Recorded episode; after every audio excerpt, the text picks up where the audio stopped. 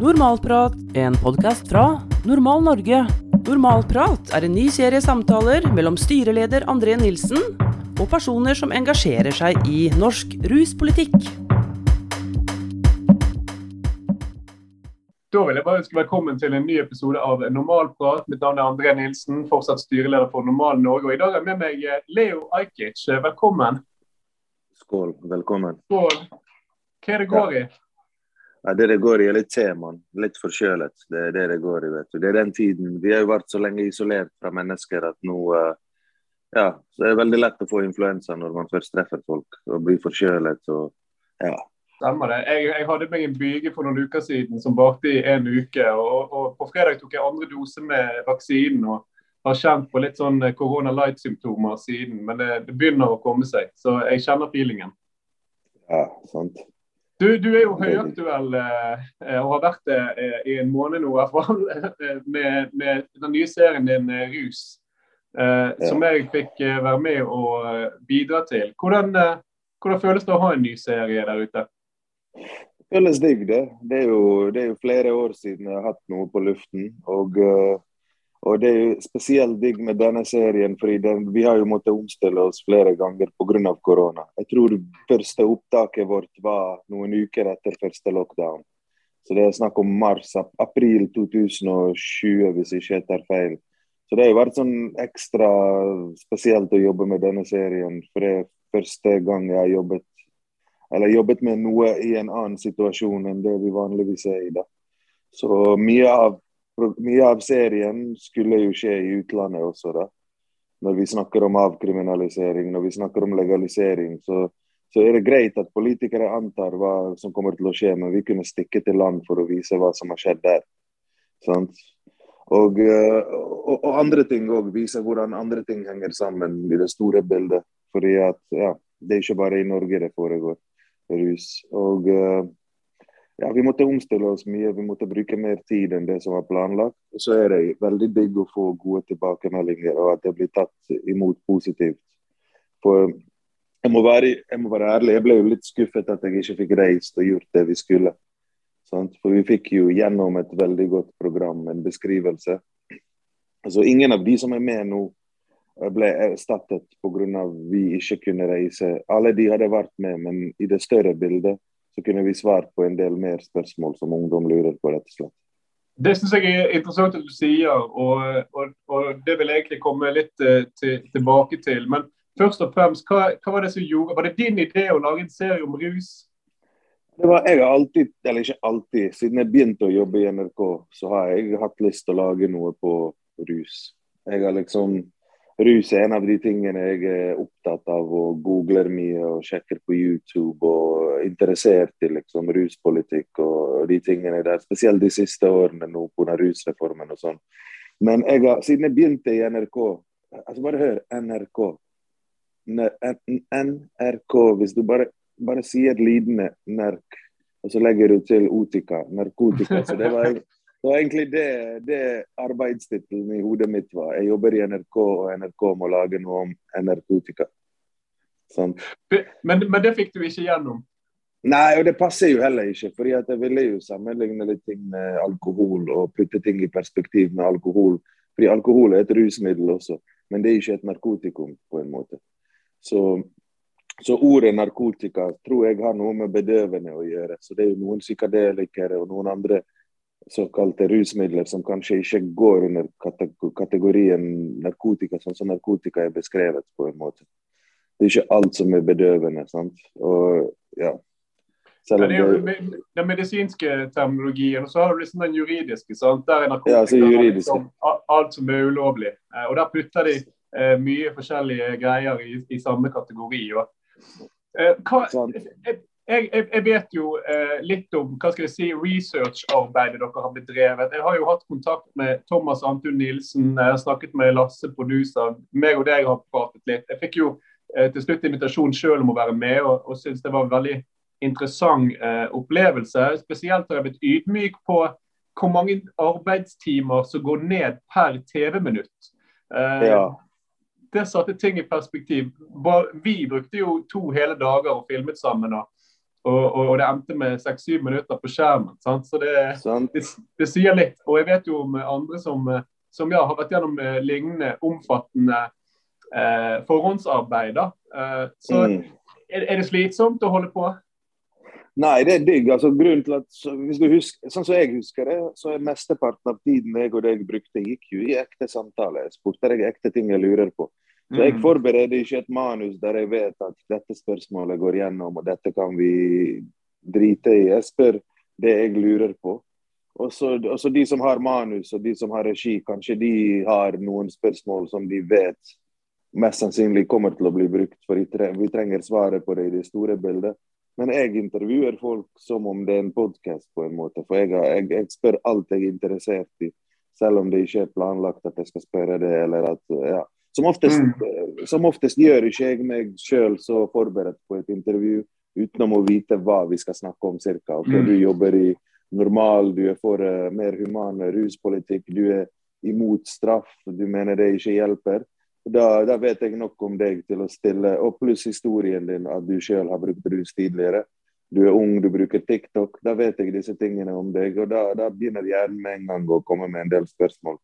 Men det er sånn når vi lager TV at det tar mye lengre tid enn det man ender opp med på skjermen. på en måte. Så det, det er bedre å ha luksusproblem og ha mye å velge mellom, enn å faktisk slite med å fylle inn uh, innholdet. Så vi, mm. vi, har absolutt, vi har absolutt luksusinnhold. Så det er mange mennesker vi har møtt som vi ikke fikk plass til i serien, rett og slett. Så vi måtte kutte ut fordi noen andre sa det, eller vi fikk fortalt det på en annen måte, eller det ble bare litt rart, eller ikke vet jeg kanskje litt med målgruppe å gjøre. Kanskje du ble med mm. siden du er yngre. Hadde du vært ti år eldre, så hadde det vært sånn André, nei, han er gammel. Nei da. Nei da. Nei, tuller. Jeg liker å tro å se ti år yngre ut enn det jeg gjør. Så jeg, jeg, skal, jeg skal, leve på denne bølgen min uh, for noen år til. Men, uh, men, men uh, ja, altså Jeg har sett hele serien. Og jeg, jeg, som, som, jeg nevnte, så har jeg, jeg snakket en del med, med arbeidsteamet både før og under og etter innspilling. Sant? Og jeg visste mm. litt sånn inngangen dere hadde eh, som i utgangspunktet eh, var å besvare spørsmål som unge eh, har om rus. Ja. Og, eh, og, og, så, så, og, så, har jo jeg sett serien, jeg har jo nylig skrevet i Nettavisen om, om, om, om noen poenger jeg mener NRK har, har, utelatt å ta opp i serien. Og, ja. så, Samtidig så vil jeg jo si det at jeg har snakket med veldig mange som har sett serien. Eh, jeg, har sett, eh, jeg har snakket med kollegaer på Nav jeg har snakket med foreldre, jeg har til og med snakket med unge, og folk som tilhører liksom mitt, eh, min side av gjerdet på, på, rusfeltet, som syns at mm. serien er god. Fordi at den eh, tar opp temaet eh, på en veldig sånn eh, eh, Det er lett å relatere det er lett å relatere til deg. og jeg, jeg, jeg, jeg tror at Når du går inn i samtaler med folk og er litt sånn på blanke ark. Du vet jo gjerne historien deres, men, men du er genuint interessert. sant? De spørsmålene du stiller, er liksom ikke strictly eh, manuskript. Og, og, Det gjør jo at man får en, eh, en, følelse av at det er noe ekte man ser på. og Jeg har fått tilbakemelding på at veldig mange syns serien er god. Og, og, spesielt at det har startet en samtale eh, mellom foreldre og barna deres, f.eks. For og foreldre seg imellom òg. Uh, så, så, det er jo virkelig noe å ta med seg videre. Og så, og så følte jeg jo kanskje det at, at, um, at serien kanskje fikk et fokus som Riktignok så er det satt i nytt lys og nytt perspektiv, men det er litt det samme som man alltid har hørt om rus. Uh, litt, litt, litt, mye negativt. Og jeg syns det er interessant at at, mm. uh, at uh, dere skulle til utlandet og besøke kanskje Portugal eller steder som har legalisert f.eks. cannabis? Ja, California og kanskje Canada. Og vi skulle også til Colombia og filme uh, kokainproduksjon og smugling og sånne ting. Så det, det, er masse vi skulle gjøre, som er det store bildet. sant?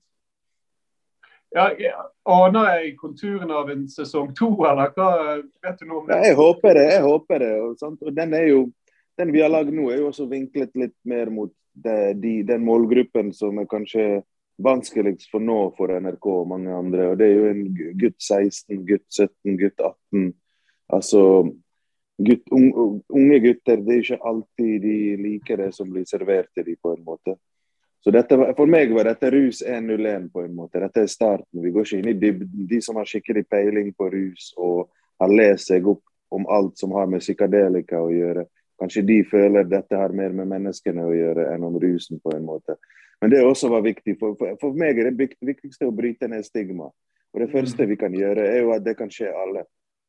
Både det gøye og problemene. Og Derfor har det vært viktig for oss å møte det vi, sier, det vi kaller vanlige mennesker, som ikke nødvendigvis er sånne, kommer fra ødelagte hjem og er fulle traumer. Eller, det, det, også skjer, men det, det, føler jeg vi har sett mange ganger.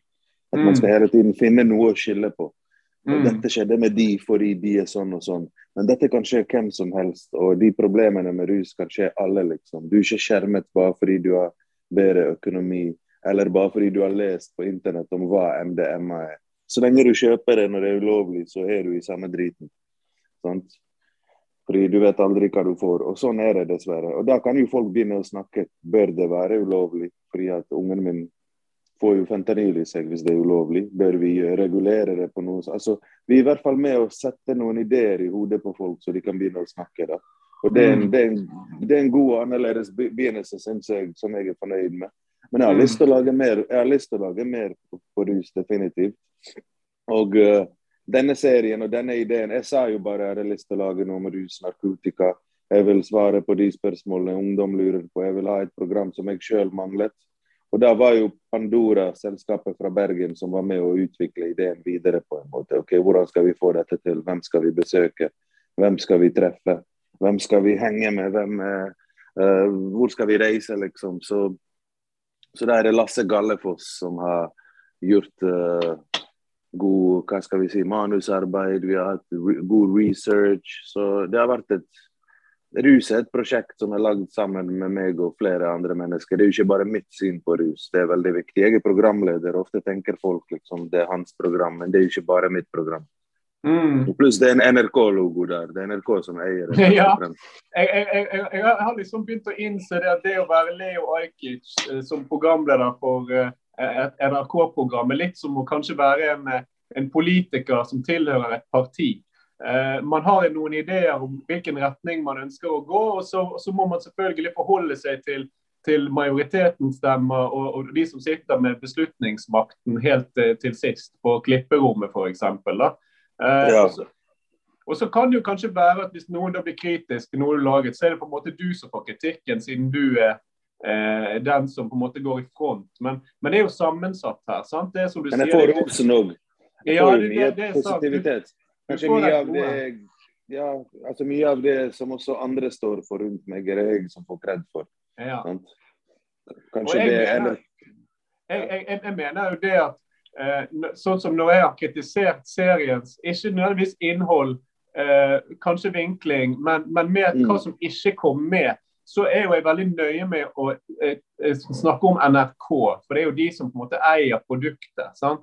De er jo din mm. arbeidsgiver til syvende og sist. Og så, og så, så, så, og så mener jeg også det at du har jo faktisk i serien bidratt mye til å nettopp fortelle eh, eh, nordmenn at som oftest går det fint, f.eks.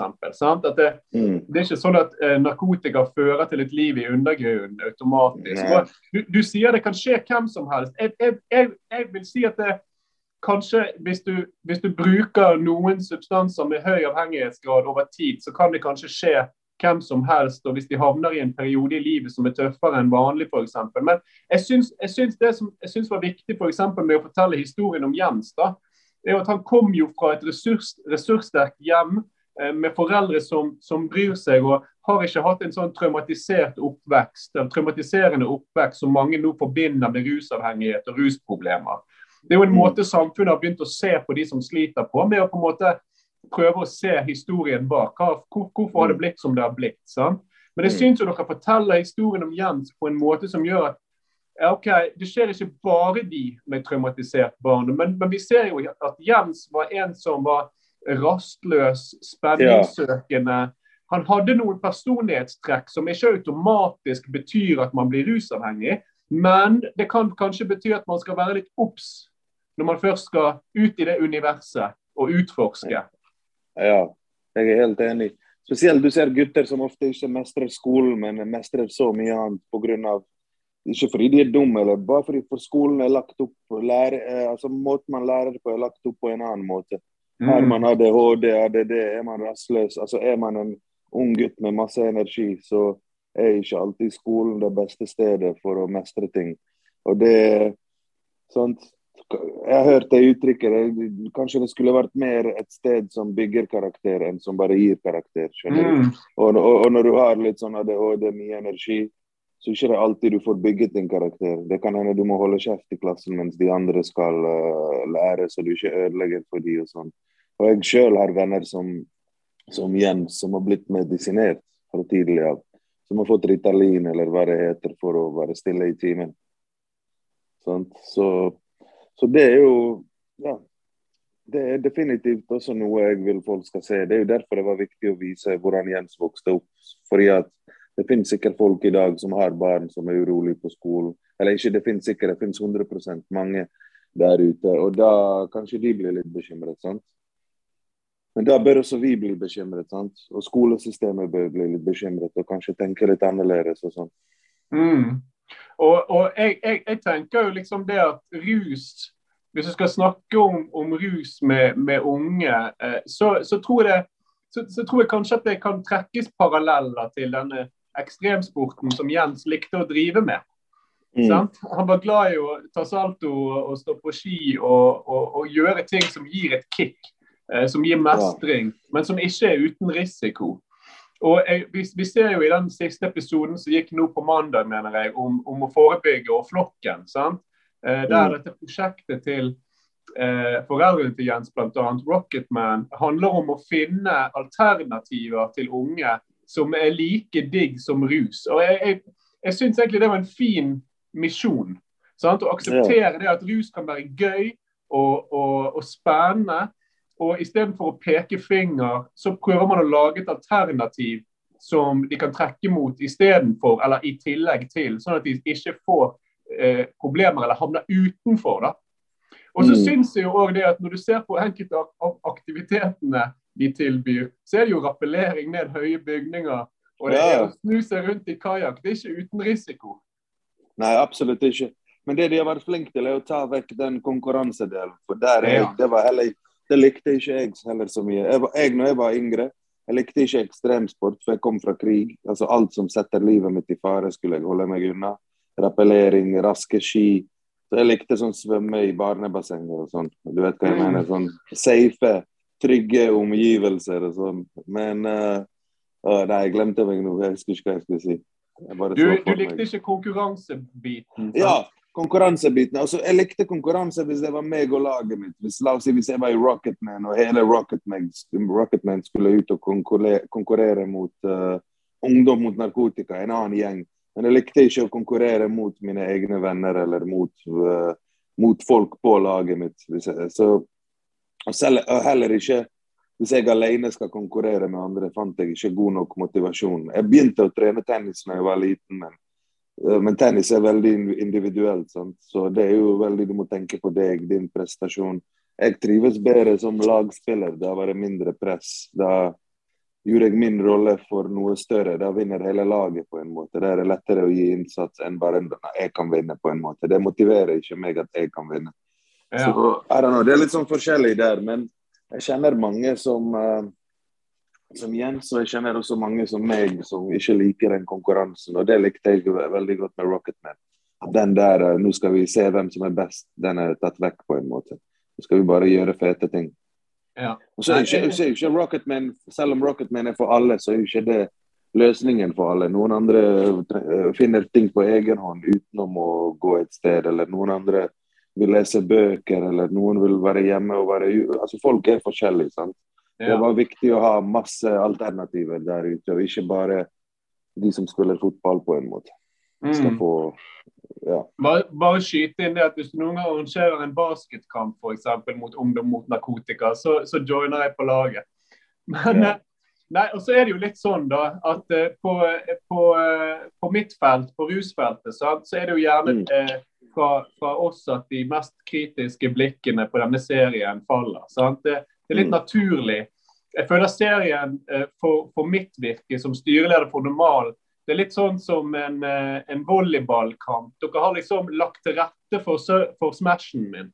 Sant? Når dere ja. peker på skyggesiden ved rus, så, så, griper jeg på en måte den ballen og, og, og, prøver å liksom tette et gap jeg føler på en måte kanskje burde vært tettet i utgangspunktet. da. Snakke om mm. cannabis, f.eks. Uh, at ja. de aller fleste som bruker det, de får ikke problemer.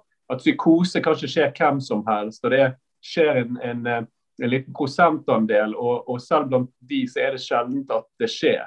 Uh, ja. så og, og så for eksempel, Dette med alkohol. Jeg, jeg, var jo litt sånn påpasselig med å skrive det eh, om, om, russebussen i Fana. For jeg kan, jeg kan, fint se for meg at foreldrene til disse gutta som du, som du besøkte, satt der og tenkte å gud, jeg håper det ikke var min sønn som tok kokain. Jeg håper han holdt seg til alkohol. Ja.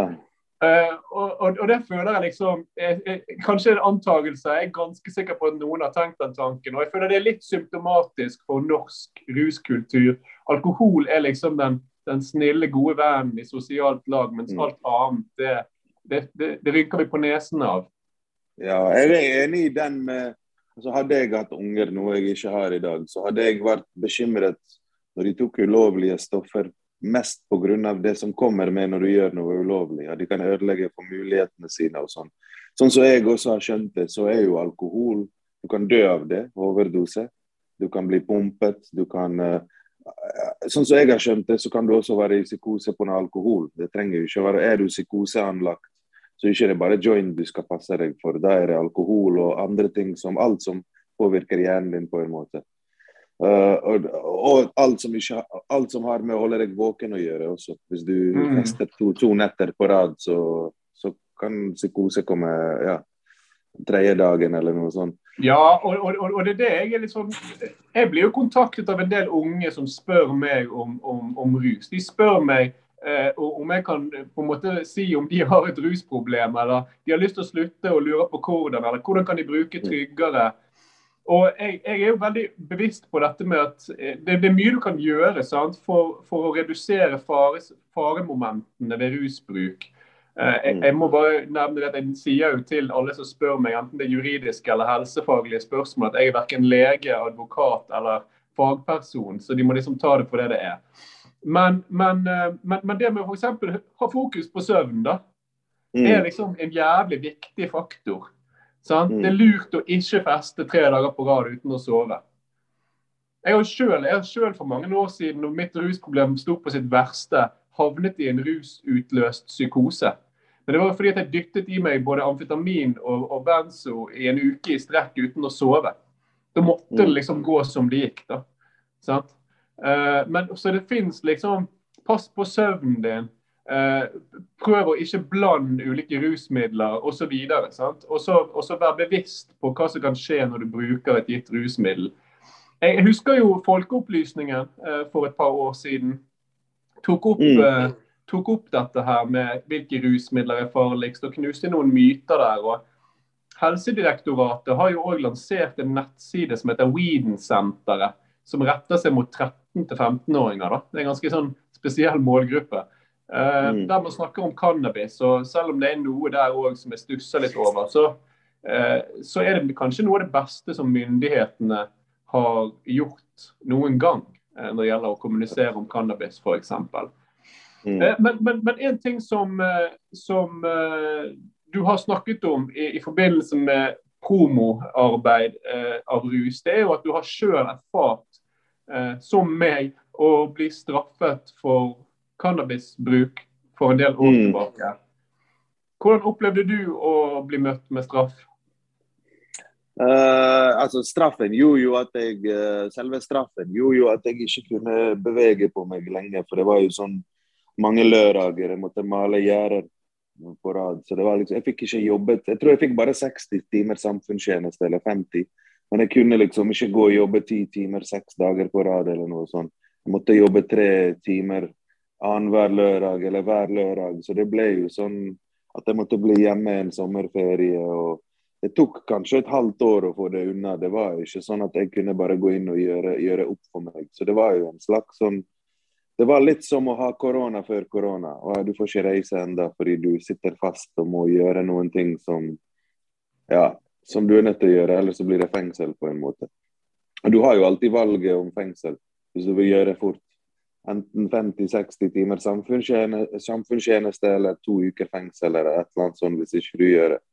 Så eh, for meg jeg ville ha samfunnstjeneste. Men det flaueste var jo ikke det. Det flaueste var jo å, å sitte hjemme med venner, og så stormer det inn masse politifolk, og så får alle naboene det med seg, og så Eh, så ja, det flaueste er jo å bli liksom Hva skal jeg si Å bli ransaket, å bli sjekket, å bli tatt, å bli Ja. Å få politi på besøk. Mm, kan, jeg, kan, jeg, spørre, var det bruk eller besittelse da du eh... Altså besittelse, men besittelse er jo bruk, da, ikke det det? da? Jo, altså besittelse, da har du det på deg. Bruk er det, da har du det i systemet. og Norge er jo ganske unik på det området, sammen med et par andre ja. land. Vi straffer bruk òg. Vi, vi, straffer personer hvis de har f.eks. THC i blodet. Eh, okay. Du trenger ikke engang ha det i lommene dine. Hvis de mistenker eh, bruk, og du innrømmer det f.eks., eh, så kan du få straff. Men eh, når de finner besittelse, så tar jo ikke de blodprøver for å finne ut om du har Hva heter det? Men om det ikke hadde vært besittelse, så har, tror jeg de hadde tatt pisse og blodprøve for å kunne gi meg den andre boten for bruk. da. Ja, altså, jeg, jeg, jeg, vet jo ikke hvordan politibetjentene opererer fra, fra, dag til dag, holdt jeg på å si. Men dette er jo en debatt som har kommet nå i år, som har blitt høyaktuell nettopp på grunn av det at ja, for det første, Hvis du blir tatt i besittelse, så er det kanskje ikke så viktig å finne ut om du har det i blodet at, eller urinen mm. din, fordi at du har det. De har tatt deg i å ha mm. det, og det er nok til å straffe deg. Men det er jo kommet en klargjøring fra Riksadvokaten som sier at uh, en praksis politiet har drevet med, da, nettopp det mm. hvis de mistenker at noen har f.eks. røykt en joint, du har litt røde øyne f.eks., du ser litt trøtt ut, uh, så har de pleid å true da, med blod- eller urinprøve. Uh, og Hvis du da innrømmer det, så slipper du. Men hvis ikke du innrømmer det, så har de, så har de gjerne tvunget personer til å avgi blod- og urinprøve. Og det er, er det, men er det bløff, eller kan de gjøre? Fordi at jeg har selv opplevd og jeg har vært med mennesker som har blitt mistenkt for å, for å røyke, spesielt når vi var yngre. Og Da har jeg eh, vært i møter med politiet der de ikke har funnet noe på folk, men de har ikke gitt seg. De har gjerne stått der en time og, og presset seg frem til at folk skal akseptere en bot i form av at de har sagt ja, men da går vi hjem til deg, finner vi noe mer der, og så ser de på ansiktet til folka hvordan de reagerer. Mm. Og, og, og, og, om du har en bestemor, mor, barn hjemme, så reagerer du kanskje samme måte som hvis du har et par gram hasj hjemme. Du blir litt sånn Jeg vil ikke ha politiet hjem, sant.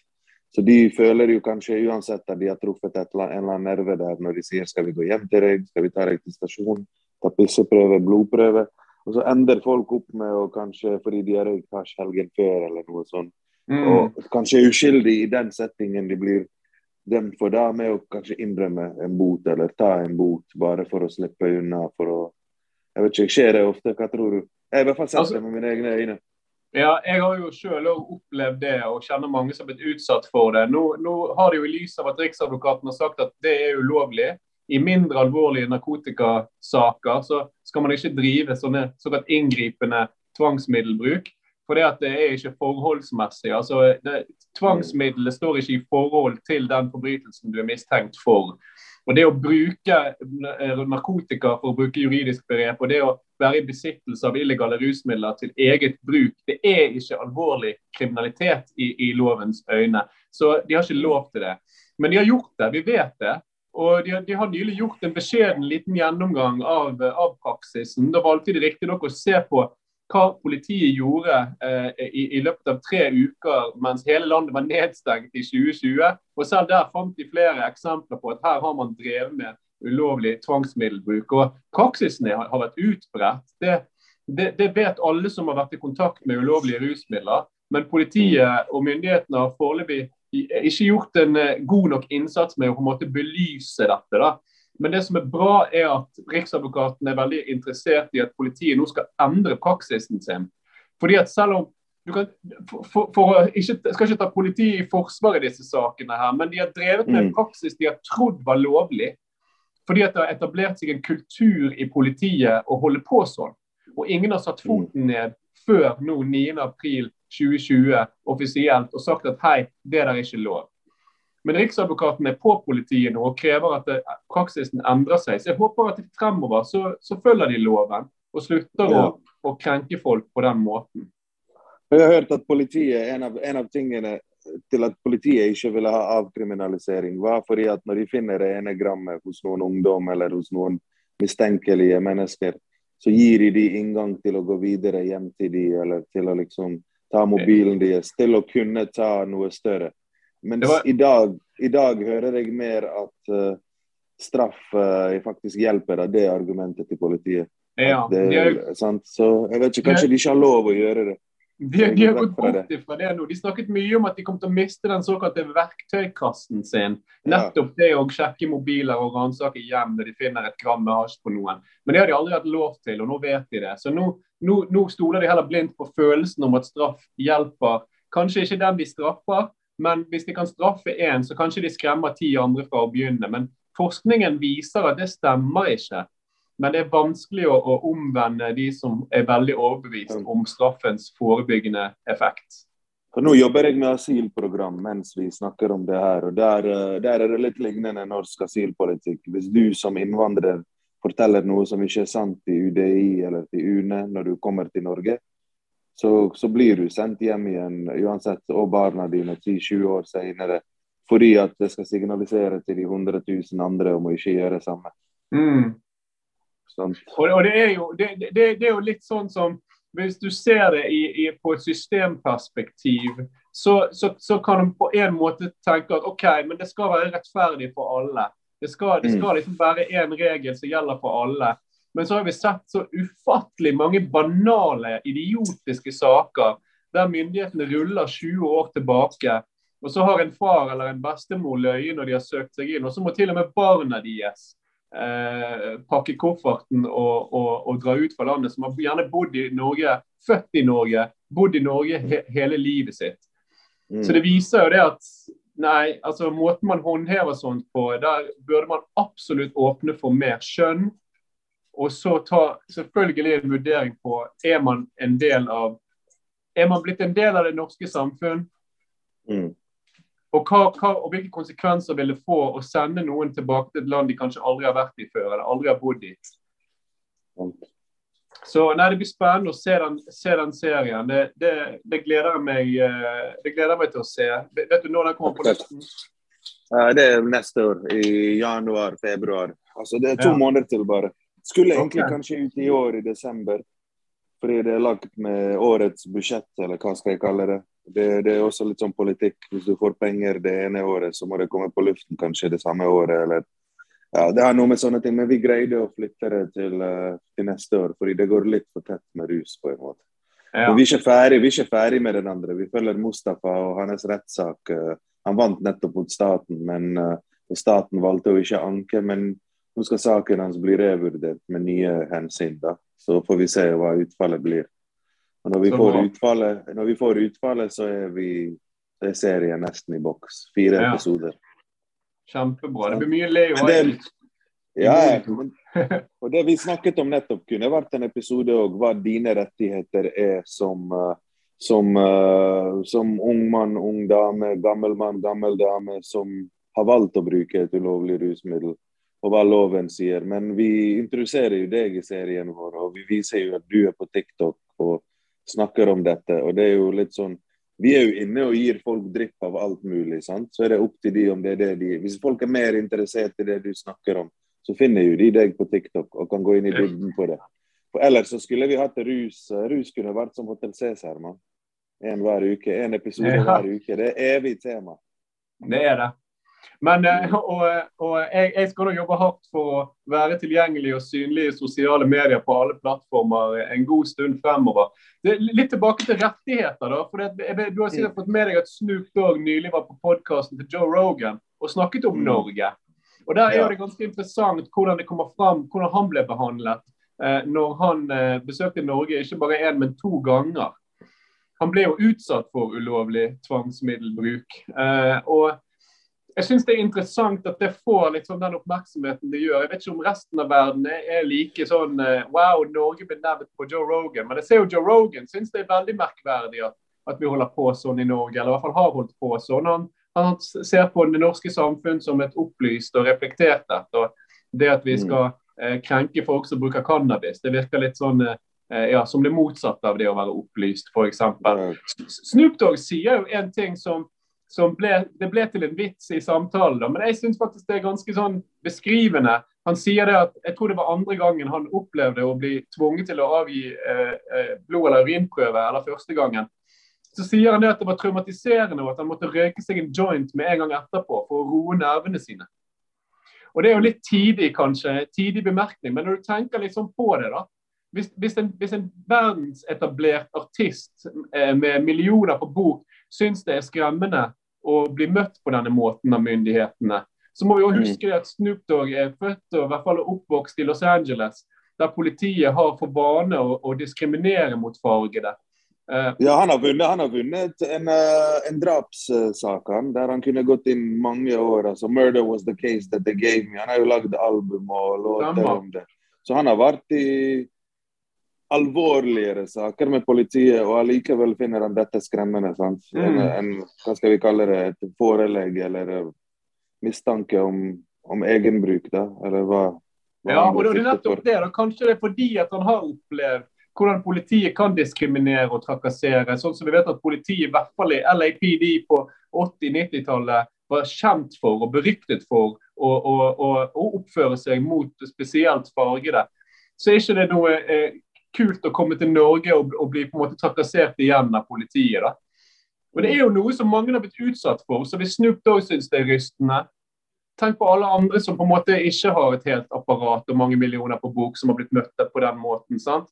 Satt mm. på glattcelle og truet med det ene og det andre hvis ikke de avgir kroppslige væsker fra kroppen sin. Mm.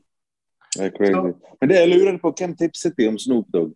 Så de en musikkvideo og bare Å, helvete, han røyker mye pott. Han, kanskje han har med seg pott. Vi kjører etter han.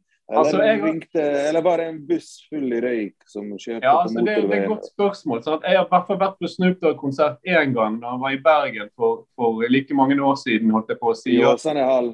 Ja, stemmer. stemmer. Ja. Han, var jo kjent, han er jo kjent for å stoppe konserten halvveis for å ta seg en chronic break. Uh, og det kan jo være at det var tobakk i den sigaretten han fyrte opp, men, men, heller tvilsomt. Så er det mulig de hadde noe, en eller annen mistanke, da. Men uansett om de har den mistanken eller har det på film at han røyker en joint i konserthallen, så er ikke det eh, gyldig grunn til å, til å kreve blod- eller urinprøve, f.eks. Og mm. Hadde de funnet en ounce eller flere ouncer med, med, med, cannabis i bussen hans, så hadde det ikke vært noe behov for å kreve blod- eller urinprøve, for der har du besittelse allerede der. Så Uansett hva som var liksom den bakenforliggende mistanken, så har politiet opptredd ulovlig. og jeg synes det er en, en interessant timing på at dette intervjuet kommer nå, eh, mens vi ja. har den diskusjonen om hva politiet har lov til og ikke i eh, Norge. Men Føler du folk flest godtroende når det kommer til norsk politi? på en måte? Kanskje de som ikke har så mye erfaring sjøl og sånn. Fordi Folk Vel... i dette landet stoler jo veldig på at norske politikere, norske politi, norske militær altså de, de gjør kun det rette, nesten, skulle man til å si. Ja, og det er jo fordi at vi som befolkning scorer høyt på liksom at vi, er, vi, er, vi, vi har tillit til autoriteter her i Norge. Eh, og Politiet har generelt høy tillit i befolkningen. Men forskningen viser jo det at den tilliten stuper når du snakker med folk som faktisk har vært i kontakt med politiet. Det, ja, altså, de, har ikke tillit, de har ikke tillit til uh, altså, Jeg tror ikke minoriteter uh, har like mye tillit som Nei. de som ja. For det, det, Når jeg mener kontakt med politiet, så mener jeg de som blir stoppet på gaten i Oslo øst fordi de ser ut som sånn, sånn og sånn. Sant? De passer en etnisk mm. etnisk profil som politiet går etter. De har på seg en type klær som politiet går etter. Men det gjelder òg folk som har for anmeldt et overgrep og fått saken sin henlagt. Det òg bidrar til at tilliten stuper. Så Det er ikke bare personer som er mistenkt for kriminalitet som, som, som rapporterer lavere tillit. Det er også de som anmelder straffbare forhold. Men vi vet jo det, Leo. Du, det er en ting jeg på en måte merket meg med deg, og som tror jeg er ganske kjent blant alle som kjenner deg er at du kjenner så jævlig mange folk. Jeg husker når vi gikk gjennom Bergen sentrum, så, så er det nesten mm. sånn eh, hvert tiende minutt så er det noen på andre siden av gaten som du kjenner og hilser på. sant? Og Du kjenner mm. folk fra ulike eh, kulturelle opphav, for å si det sånn. Du kjenner jo mange som har opplevd å bli utsatt for etnisk profilering, spesielt i Oslo. Definitivt. Jeg husker frisøren min. Han har en sjappe, han er fra Etiopia. Og en annen av ansatte der var somalier. da. Hun hadde fått seg nye, ikke rims engang, som hva heter rims på norsk? Felger. Ja. Han har fått sånne caps, hva heter det, sånne krom uh, cap, uh, hubcaps. Jeg vet ikke hva det heter engang. Nei, jeg vet ikke hva jeg... Nei, det ser ut som Det er noe du legger oppå hjulet for, for, at du ikke skal se felgene. Kanskje når du okay, ikke har så fine felger. Så det er en sånn kromting, veldig sølv. Så den dagen hadde det fått seg nye krom, ikke felger engang, men de der greiene som jeg vet ikke navnet på.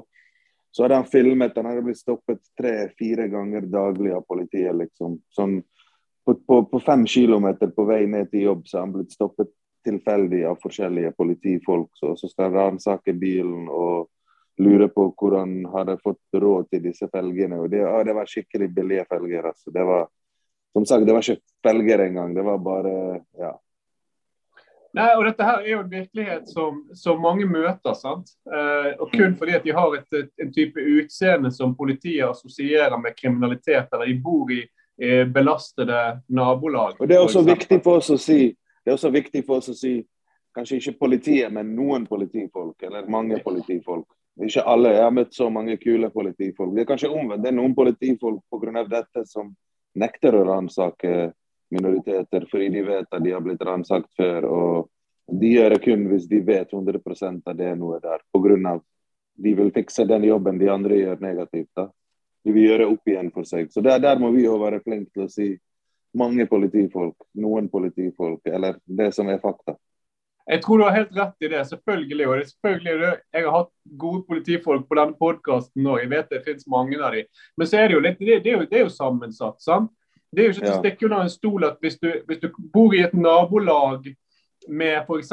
lavere sosioøkonomisk status enn på Frogner, der folk bor tettere. Det bor mange, kanskje hele familier i leiligheten. Kids som mm. henger på gaten.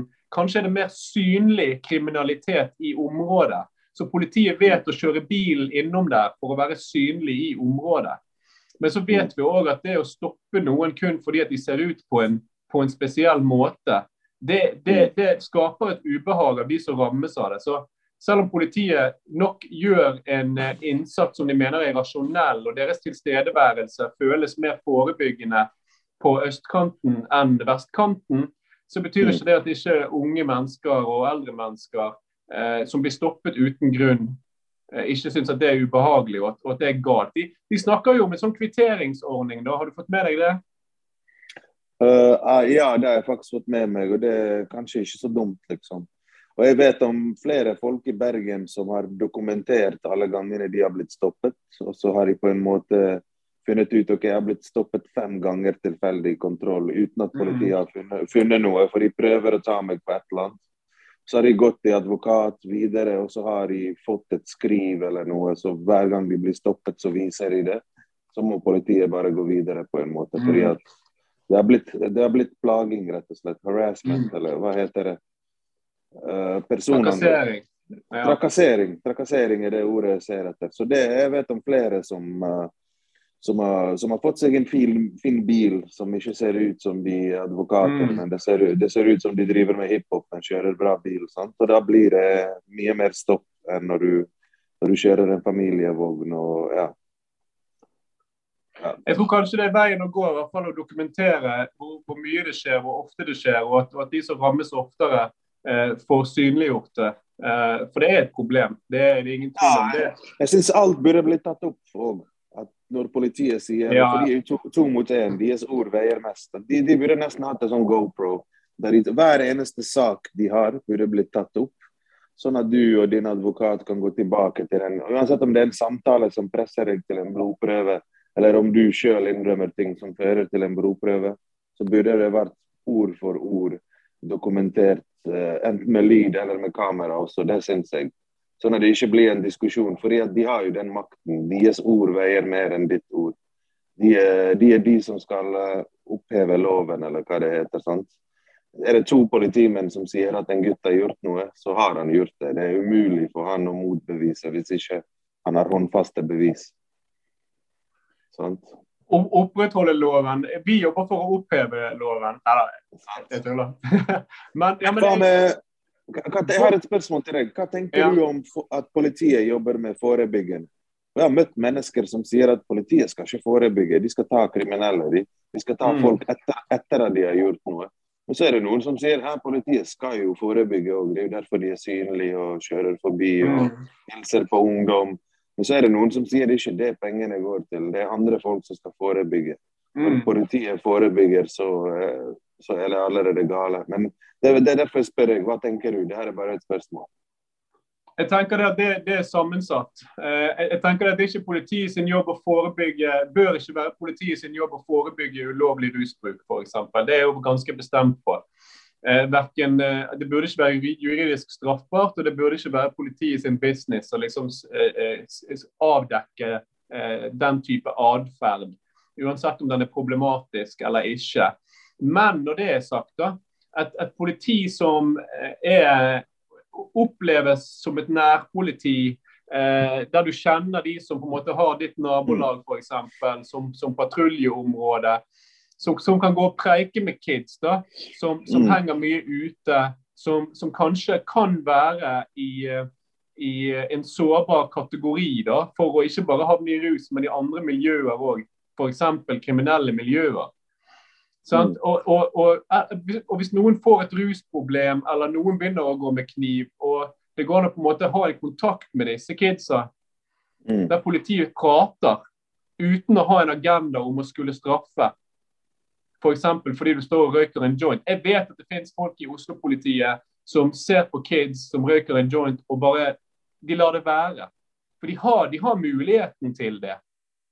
Hvis de vet at denne, den, denne ungdommen kommer fra et belastet hjem, f.eks., så vet de det for eksempel, at det å sette håndjern på når han døyver vonde følelser med en joint, eh, vil gjøre vondt verre. Så de ser forbi det. Men problemet er at det er ikke alle politifolk som tenker i de baner.